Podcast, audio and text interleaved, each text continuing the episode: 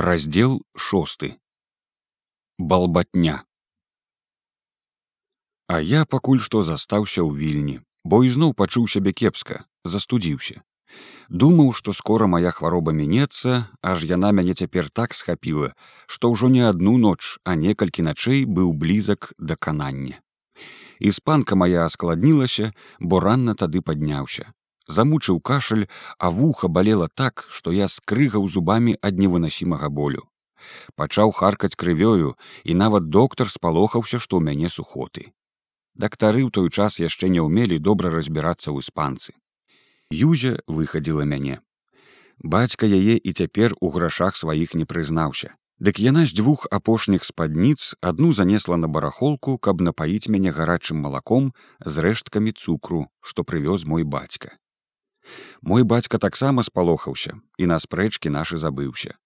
Прывалок мне таго доктара, акулярыстага, чорнавалосага і высачэннага, як жэрць свайго ж меншавіка інтэрнацыяналіста таварыша ша. Прыносіў мне булёну са сталоўкі, купіў хлеба. Ачуняў я. А так аслабеў, што першыя дні ўстаўшы ледзь трымаўся на нагах, хоць і ляжаў ізноў жа і цяпер нядоўга іспанка страшная хвароба. Яна многіх тады прыкончыла. Нейкі час не мог нізавошта ўзяцца быў без работы.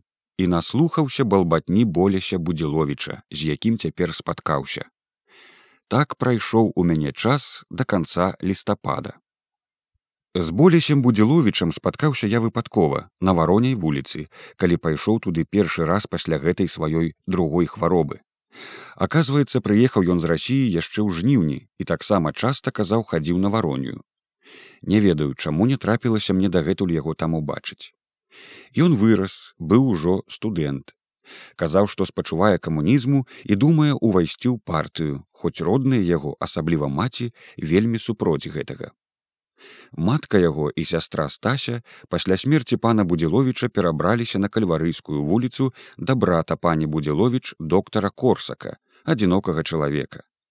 Туды ж да іх зусім пераехала з варшавы і адэля ёдка застаўшыся пасля смерці маткі круглаю сіратою стася ў гэтым годзе канчала ўжо гімназію адэля скончыла гады два таму працавала ў нейкай польскай ахронцы кіраўніцаю і рыхтавалася паступаць у кансерваторыю.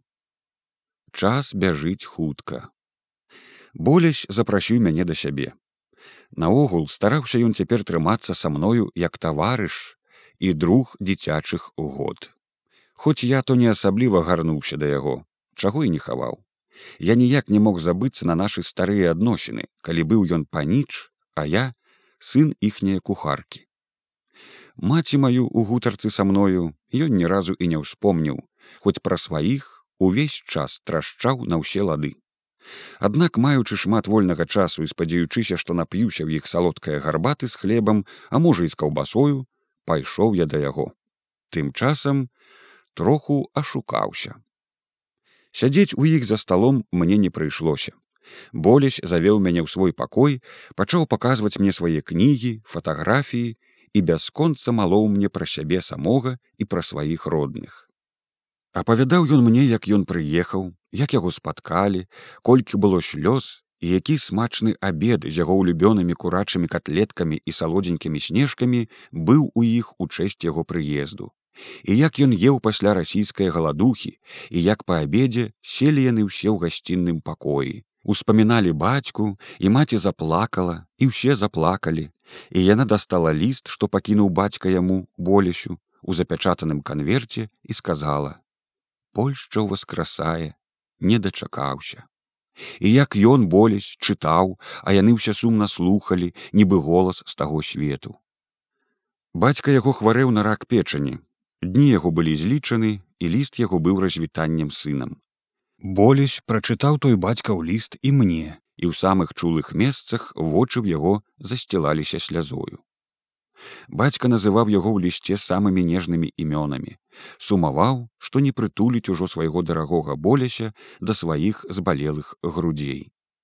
Наракаў на цяжкое жыццё пад акупацыяй, на тое, што яму ў хваробе патрэбна добрая страва і ўсё такое, а ў іх пісаў не кожны дзень ёсць нават шклянка малака. Успамінаў аб сваім браце рэвалюцыянеры, што памёр на рускай катарзе за вызваленне Польшчы. Скромна адзначаў і сваю дзейнасць і навучаў сына, каб і сын любіў свой народ, свой край, каб жалеў усіх абяздоленых і няшчаслівых і змагаўся б за светлую будучыню. Схаваўшы ліст і абцёршы слёзы, апавядаў мне болясь, як маці, калі ён прыехаў, успамінала свае сны. Сніліся ёй страхі чырвонага тэрору скляпенні чрезвычайкі кроў на сценах і ён болясь як нявінная ахвяра. І вось як нельга верыць нам казаў ён павесялеўшы.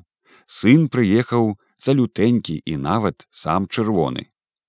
І мусіў ён агарчыць мамачку ў той жа першы дзень прыезду бо хацеў схадзіць увечары ў рабочы клуб на варонію. Да сваіх. Да сваіх? А хіба ж мы табе болю чужыя з крыўдаю і з трывогаю сказала яму тады маці. А ён ёй адказаў. І вы свае і там свае одзі профанум вулгус. Ненавіджу цёмную чэрнь. Гарацый. Больш мяне болясь да сябе не запрашаў. Але кожны раз спаткаўшыся са мною на вароней падыходзіў да мяне браў падручку вёў у клубную сталоўку ці ў якую гарбацярню ў горадзе заказваў на сябе і на мяне па шклянцы гарбаты з цукрам у прыкуску і скібачкаю хлеба з маргарынам як кот наплакаў і зноў разліваўся перада мною у сваіх перадавых чырвоных слаўных пачуццях між іншым даведаўся я тады ад яго і тое сёе цікавае Аднойчы, напрыклад, расказаў ён мне пра сваю спрэчку з дзядзькам. Дядзька яго, доктар Карнелі Корсак, быў даволі вядомы ў горадзе асобаю, як вельмі добры стары доктар. Аднак дастукацца да яго мог далёка не ўсякі хворы. Бо ганарары браў ён непамерна высокія. І звалі яго нават чамусьці прафесарам. Хоць ніколі ён, наколькі мне вядома, ні ў якім універсітэце лекцыі не чытаў дядька мой казаў болясь заяўляе што ніякая палітыкі не прызнае і верыць што толькі навука зменіць жыццё чалавека аднак жа я добра ведаю што каб я хадзіў да пана палкоўніка вэйткі ці да пана капітана Віктора йоткі дык яму б падабалася. А тое што я хаджу на варонію ён цярпець не можа хоць і не кажа мне гэта адкрыта ў вочы. Кажа што масы нашы яшчэ не выраслі не дараслі а я яму кажу Вось паглядзелі б вы дзядзячка, якія ў нас на вароне ёсць масы. Тут болясь па-сяброўску пахлопаў мяне па плячы. А ён не пярэчыць, адзіночкі можа сабе, але падумай, кажа, цёмныя рабочыя будуць намі кіраваць, недарэчнасць. Нарэшце пытаецца ў мяне: ты любіш Польшчу, люблю, кажу. А ён кажа: А ведаеш, што рабочым Польшча. За місу поліўкі яны тры краты адракуцца ад яе, Э, кажу яму дядзячка, ад вашая буржуазная Польшчы, калі ў ёй збракуе для іх місы гэтыя поліўкі, яны можа сабе і адракуцца, але ад свае рабочая пралетарская Польшчы, у якой усяго ўсім будзе ў волю ніколі не адракуцца. Як жа ён загневаўся на гэтыя мае словы, Аёй!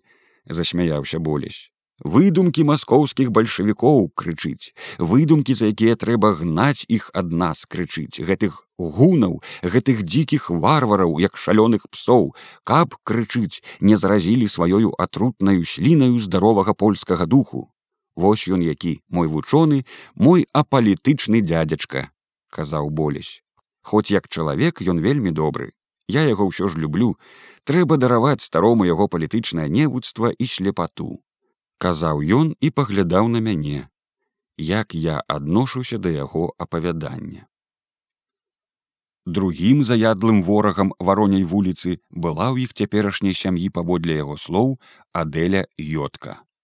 На жаль, ён не столькі апавядаў мне аб яе палітычных поглядах, калі яны ў яе былі. Колькі аб тым, як яна міла пяе, як яна добра іграе на раялі і як яна да яго боляся заляцаецца.